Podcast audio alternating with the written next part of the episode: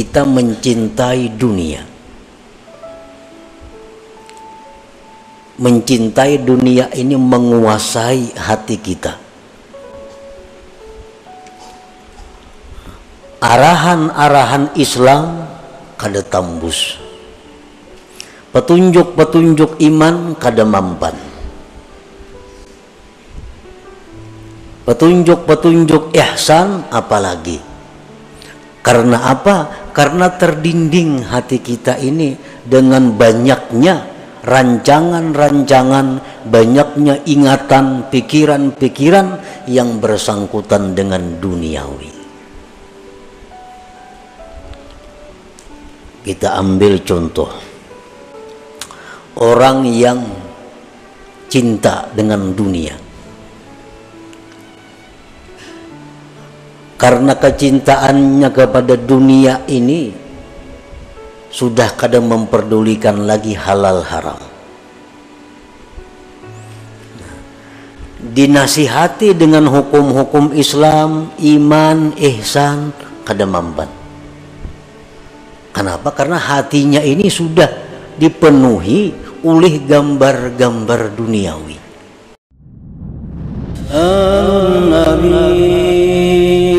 Shariah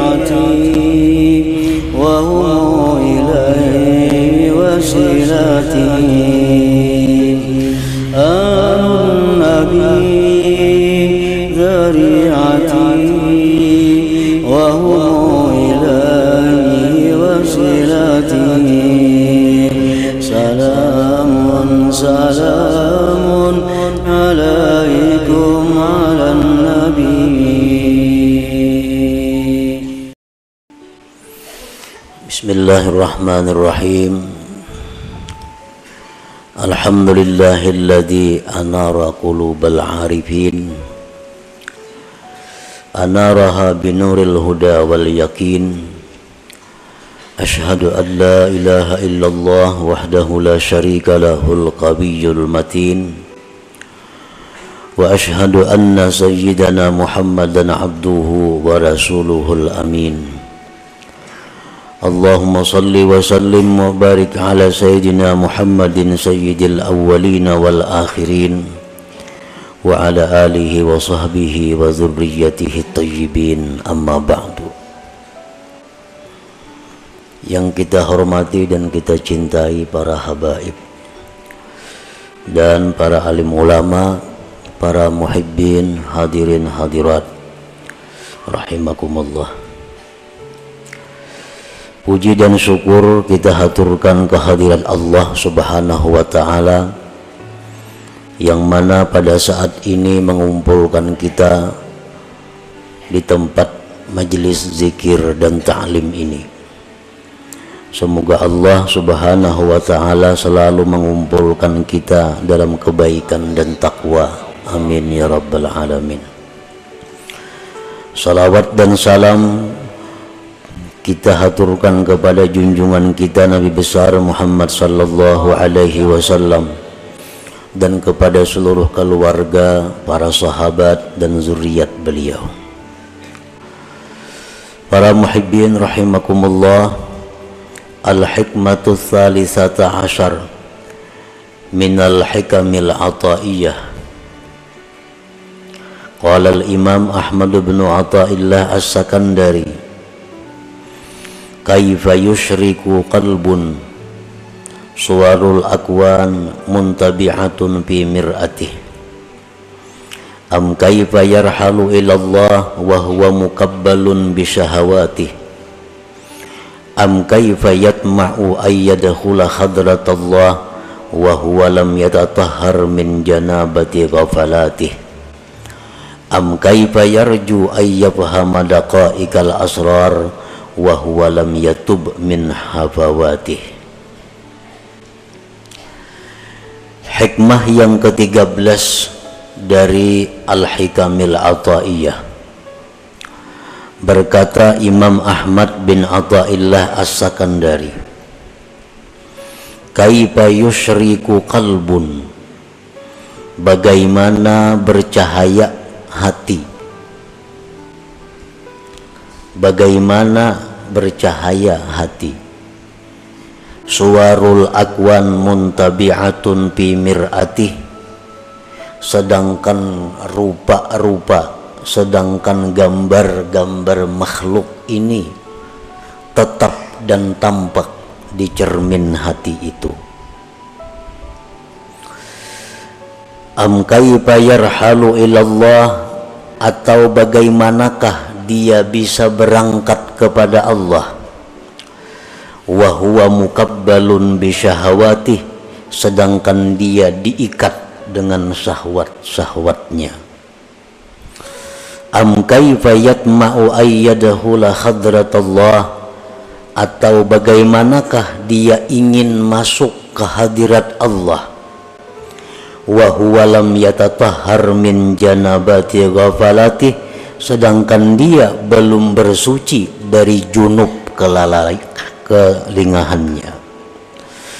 Am kaifa yarju atau bagaimanakah dia mengharap?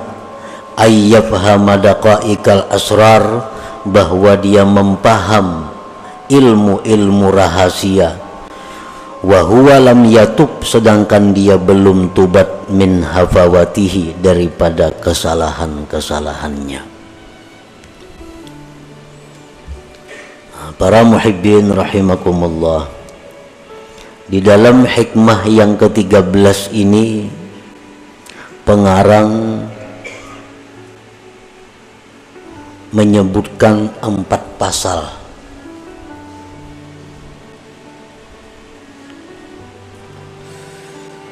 Kita bahas pasal-pasal tersebut satu persatu. Yang pertama pasalnya adalah kaifa yusyriku qalbun suwarul akwan muntabi'atun fi mir'atih.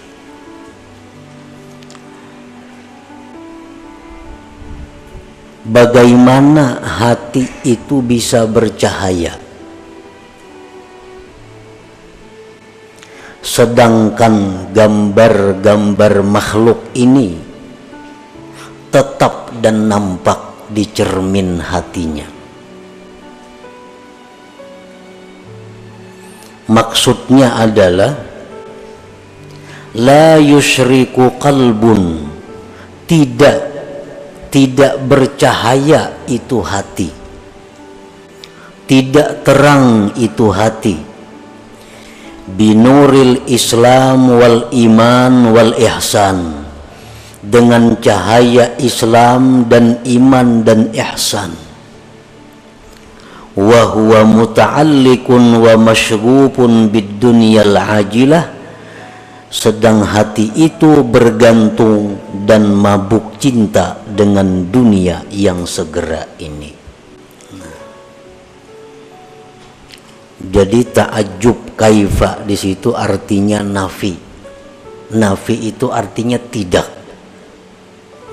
artinya hati kita ini kadang mau terang kadang mau menerima cahaya Islam, iman dan ihsan, selama hati kita ini masih tertutup dengan gambar-gambar makhluk ini. Artinya selama hati kita ini masih mencintai dunia ini. Maka cahaya Islam kada bisa masuk ke dalam hati. Cahaya iman kada bisa menerangi hati. Apalagi cahaya ihsan kada akan bisa menerangi hati. Karena hati kita ini tertutup terdinding dengan gambar-gambar dunia yang segera ini. Nah, para muhibbin rahimakumullah. Artinya kita mencintai dunia mencintai dunia ini menguasai hati kita. Arahan-arahan Islam kada tembus. Petunjuk-petunjuk iman kada mampan. Petunjuk-petunjuk ihsan apalagi. Karena apa? Karena terdinding hati kita ini dengan banyaknya rancangan-rancangan, banyaknya ingatan, pikiran-pikiran yang bersangkutan dengan duniawi. Kita ambil contoh orang yang cinta dengan dunia karena kecintaannya kepada dunia ini sudah kadang memperdulikan lagi halal haram. Dinasihati dengan hukum-hukum Islam iman ihsan kadang mampan kenapa? Karena hatinya ini sudah dipenuhi oleh gambar-gambar duniawi. Nang kayak caramin caramin. Nah caramin itu tertutup maka cahaya itu kada masuk. Tertutup oleh satu dinding. Apa yang mendinding? Kecintaan kita kepada dunia yang segera ini. Nah itu yang dimaksud dengan kaifa yusriku qalbun suwarul akwan muntabi'atun fi mir'atih. Tidak bisa hati itu terang. Tidak bisa hati itu bercahaya dengan petunjuk Islam, iman dan ihsan apabila hati kita ini mabuk cinta dengan duniawi. Karena kayak orang mencintai seseorang. Dinasihatikan jangan lawan itu, itu kada baik sia-sia petunjuk kita ini Jam jangan lawan itu para cari nang lain aja kada usah lawan itu itu orangnya ka ini ka ini ka ini ka ini. Seribu nasihat kada mampan. Lawan itu tupang sudah ditujunya. Kenapa? Karena inya masgub sudah mabuk cinta dengan itu. Nah demikian halnya orang yang cinta kepada dunia lebih dahsyat daripada itu.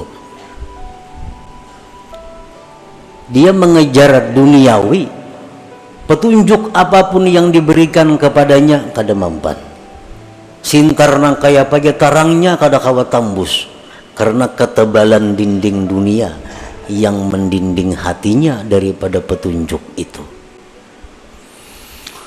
Nah, para muhibbin rahimakumullah. Karena hatinya itu sudah mabuk cinta kepada dunia ini sedangkan kecintaan kepada dunia itu merupakan sumber segala dosa sumber segala kesalahan. Hubud dunia ra'su kulli khati'ah. Nah inilah yang menyebabkan hati itu berkarat. Berkarat betagar aja kita. Karena kebanyakan dosa yang ditimbulkan akibat dia mencintai dunia yang melampau batas itu. Nah, para muhibbin rahimakumullah. Rasulullah sallallahu alaihi wasallam bersabda, "Innal quluba tasda'u kama yasda'ul hadid." Bahwasanya hati itu mau berkarat. Hati itu mau bertagar sebagaimana berkaratnya besi. وقال النبي صلى الله عليه وسلم إن العبد إذا أخطأ خطيئة نكتت في قلبه نقطة sauda فإن نزع واستغفر سقلت Ujar Nabi kita sesungguhnya hamba itu bila mana berbuat satu dosa, satu dosa, maka hatinya itu diberi satu titik hitam. Satu dosa hatinya diberi satu titik hitam. Dua dosa dua titik hitam. Tiga dosa tiga titik hitam. Fa inna jika dia berhenti melakukan dosa dan dia minta ampun kepada Allah sakulat maka hati itu kembali bersinar. Hati itu kembali terang. Hati itu kembali bersih Qala Nabi sallallahu alaihi wasallam likulli syai'in masqalah wa masqalatul qulub zikrullah. Tiap-tiap sesuatu itu ujar Nabi ada alat yang membersihkan. kayak hampalas itu alat untuk membersihkan dan kayak sikat alat membersihkan nah, wa masqalatul qulub pembersih pengkilat hati zikrullah adalah zikir kepada Allah fal qalbus sadi la budda minat taubat wa kasrati zikir maka hati yang berkarat hati yang betagar itu tidak boleh tidak daripada tobat dan memperbanyak zikir kepada Allah Subhanahu wa taala. Nah, para muhibbin rahimakumullah. Barangkali kita belum menyadari karena kita belum tahu tanda-tandanya. Barangkali kita belum sadar apakah kita ini termasuk orang yang hatinya itu dipenuhi dengan gambar-gambar dunia atau hatinya itu orang yang hatinya itu diterangi oleh cahaya Islam, iman dan ihsan. Nah, kita periksa hati kita, kita kontrol diri kita, apakah hati kita ini bercahaya dengan cahaya Islam, iman dan ihsan? atau di hati kita ini hanya tampak gambar-gambar duniawi.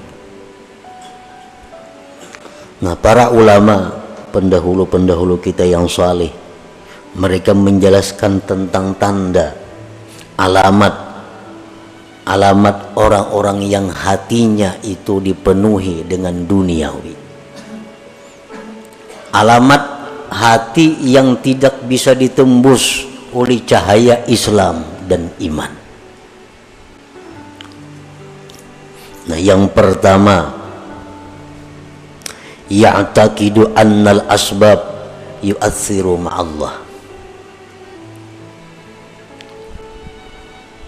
Ini tanda orang yang hatinya gelap yang kadakawa ditembus oleh sinar iman.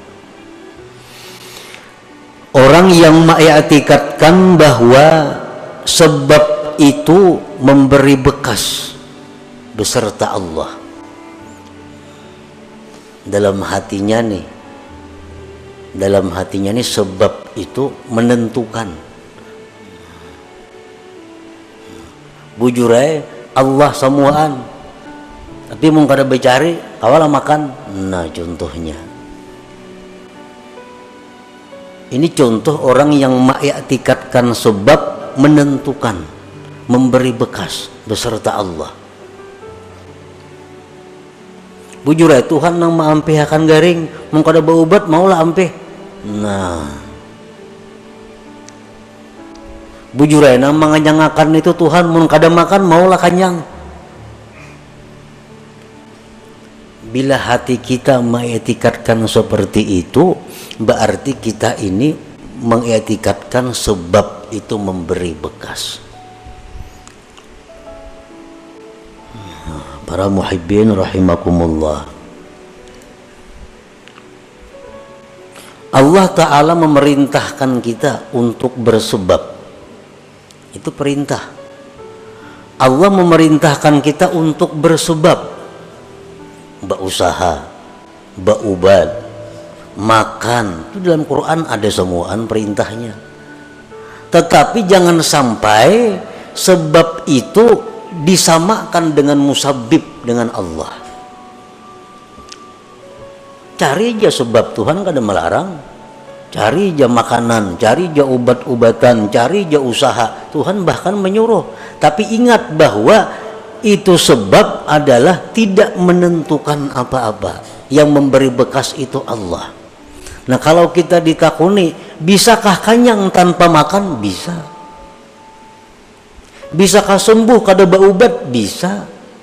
Bisakah sugih kada berusaha? Bisa. Bila kita mengetikatkan di hati, mau kada makan, maulah kanjang, kada kau kada mau. Nah, itu etikat nang salah. Itu menunjukkan bahwa hatinya hatinya gelap, hatinya berkarat, jadi nang sebab kita i'tikadkan sebab nang musabib Allah i'tikadkan Allah. Kedua-duanya ini dicari tapi ada tingkatan-tingkatannya. Nang sebab jangan disamakan dengan musabib Engkau itu para ibu usaha adanya kah itu maksudnya. Engkau itu para makanan nah Allah menyuruh makan Allah nyuruh berusaha tapi Allah melarang kita mengetikatkan makanan itu nang menganyangi itu aja yang dilarang Tuhan. Tuhan menyuruh berubat tapi Allah melarang kita mengetikatkan ubat itu yang menyembuhkan. Ayo coba ubat. Nah pertama tanda orang yang hatinya berkarat adalah dia mengetikatkan bahwa sebab itu memberi bekas beserta Allah. Yang kedua tandanya orang yang hati berkarat. La yakhafu bima aw'adahu Allah ta'ala bin nar awil azab awil la'nah. Dia tidak takut pada sesuatu yang diancam oleh Allah dengan neraka atau azab atau laknat. Dia kada takut. Jadi Tuhan kamu jangan berzina. Zina itu azabnya pedih. Masih aja mau melakukan. Nah, ada takutan. Ujar Tuhan ikam jangan mendekati zina. Ujar Tuhan ikam jangan melakukan riba karena bila ikam riba itu ikam bermusuh lawan aku. Tetap inya riba. Maka ada takutan. Nah ini tandanya hati itu sudah masgub dunia ajilah Jar Tuhan jangan melakukan ini ikam dilaknat kena. Tahu ada yang cakayan dengar. Mendengar di ceramah di TV di radio di mana-mana mendengar ini jangan nih dilaknat tatap aja digawi. Nah ini hatinya sudah kata kawa ditembus lagi oleh cahaya oleh cahaya iman Islam dan ihsan. Yang ketiga, la yarju fima wa'adahu Allah Ta'ala minal jannah awir ridwan. Dia tidak mengharap, tidak tergiur dengan janji-janji Allah daripada surga dan keridhaan. Kada tergiur. Biar Tuhan ikam laksanakan ini balasannya surga bidadari seribu orang kada ada beliau liur kada ada hendak kada ada meminat kada ada kada menyambut nah hati ini kada menyambut. Berarti hati kita tertutup. Al-Quran mengatakan hadis Rasul mengatakan baca ini nah baca ini surah ini baca tiap malam. Tumat saja bacanya. Bila ikam baca surah itu ikam kena mati ke surga dirabutakan bidadari ada tak baca-baca? Nah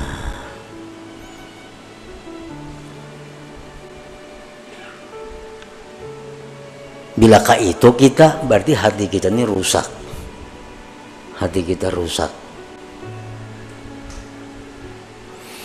Yang keempat la yantafi'u bil ilim. Kada kau mengambil manfaat lawan ilmu. Mengaji ya.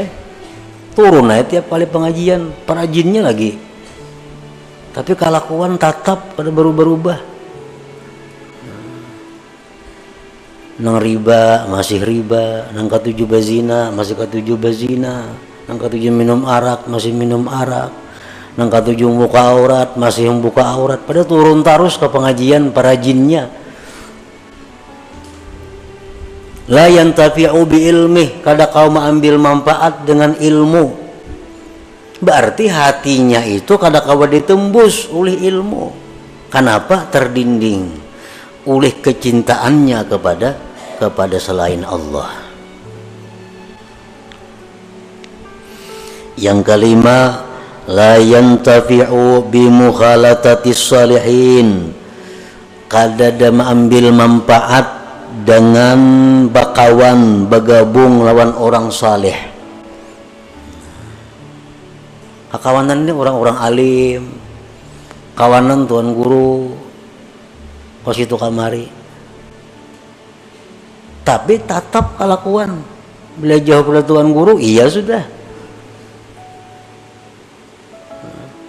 bapakaiannya, pemandirannya, kelakuannya. Kayak ada orang bakawan tuan guru.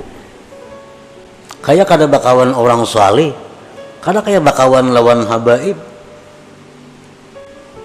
Nah, ini bahaya ini orang. Kenapa? Artinya cahaya yang ada pada orang saleh itu kada kau menembus hatinya.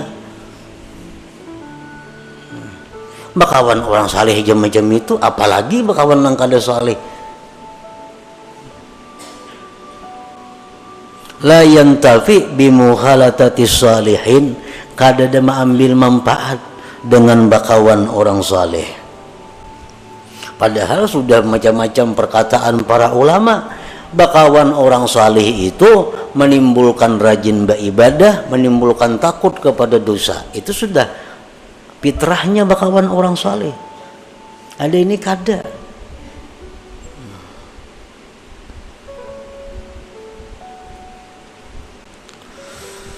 Yang keenam, tanda orang yang hatinya gelap gulita, la yabki bi dzikril lati amilaha. Dia tidak menangis mengingat maksiat yang pernah dilakukannya. Nah, dahulu suah berbuat maksiat ini, suah berbuat maksiat itu, suah berbuat maksiat ini. Keingatan, kada apa-apa kada ada menyesali apalagi menangis padahal zikrul maksiat mengingat maksiat itu merupakan sesuatu sebab yang paling yang paling segera membuat menangis bagi orang yang hatinya terang, hatinya lembut. Mengatakan dosa-dosa kita bahari itu adalah kita tetangis. Bila kada tetangis, berarti hati kita ada gangguan berarti hati kita ada masalah kalau kita bujur-bujur hati yang diterangi dengan cahaya iman ingat dosa bahari tertunduk kita menangis. Yang ketujuh la yastahi bi mukhalafati sunnati wa khalqil muru'ah tidak merasa malu berbuat sesuatu yang bertentangan dengan sunnah dan merusak kehormatannya.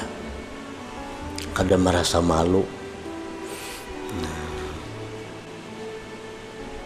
sekampungan orang turunan menuntut ilmu kalanggar. Nya kada gana di rumah. Kalau pangsupan kada. Orang kalanggaran gana di rumah. Kalau pengasa supan kadada juga orang batapihan nya kujuk-kujuk beselawar handap kadada supan kadada rakit di tangan. Kadada supan. Ini parak maghrib arena kadada supan berarti hati orang ini sudah kada kawa ditembus lagi dengan cahaya iman Yang kedelapan la yakhsaru bitarkit ta'ah tidak merasa rugi meninggalkan taat. Kada merasa rugi. Ada orang taat berbuat ibadah, inya kadang gawe, kada daerah rasa rugi. Nah kalau orang-orang beriman macam sahabat Nabi, para tabiin, generasi-generasi pendahulu kita, kalau orang tuh kada sampat misalnya sembahyang berjamaah karena ada masalah apakah kelalaiannya kada sampat tuntung ke masjid. Orang sudah bubar berjamaah mati-matiannya menangis. Menyasar rugi karena kada sempat berbuat taat ini. Nah itu tanda orang hati yang terang.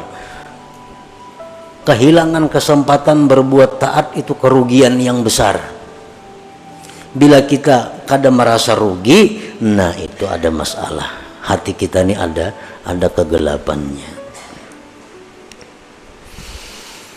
Yang kesembilan la yajidu halawatat taat. Dia kada merasakan manisnya taat. Nyata ibadah kada ada senyamannya ibadah tuh kada ada nikmatnya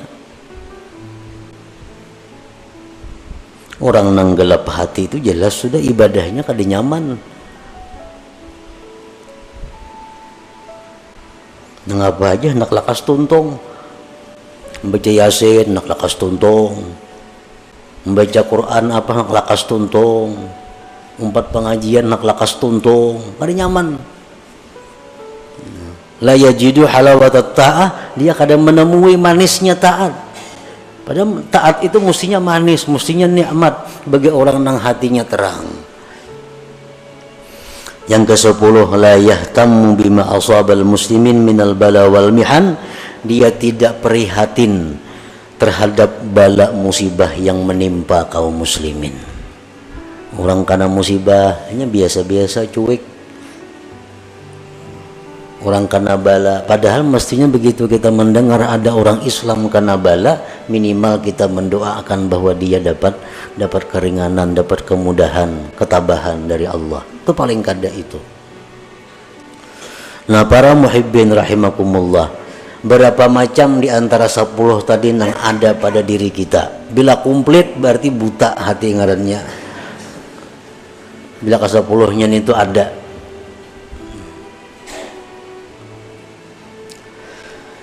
Nah jadi petunjuk para ulama petunjuk daripada para ulama sesuai dengan apa yang disampaikan Rasulullah Sallallahu Alaihi Wasallam cara mengobati hati yang seperti tadi cara mengobati kelakuan akhlak seperti sepuluh tadi hanya ada dua macam obatnya. Pertama tobat kepada Allah. Yang kedua banyak zikir. Tobat itu membersihkan membersih tubat. Mahim balas tuh tubat. Nah zikir itu mencilangi mengkilatkan. Apa tadi ujar Nabi? Likulli syai'in masqala wa masqalatul qulub zikrullah. Tiap-tiap sesuatu itu ada pengkilatnya. Ada berasuknya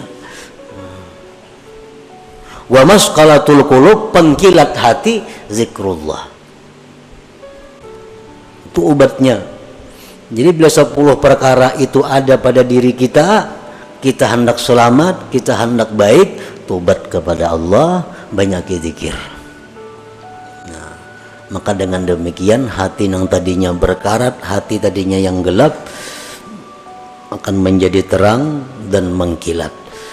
Nah itulah salah satu bagian yang dimaksud daripada hikmah yang ke-13 ini kaifa yusriku qalbun suwarul akwan muntabi'atun fi mir'atih itu pasal yang pertama dalam hikmah yang ke-13 dan selanjutnya lagi ada tiga pasal nah, ila hadratin nabi sallallahu alaihi wasallam al-fatihah a'udzubillahi minasyaitonir rajim bismillahirrahmanirrahim استعين اهدنا الصراط المستقيم صراط الذين النبي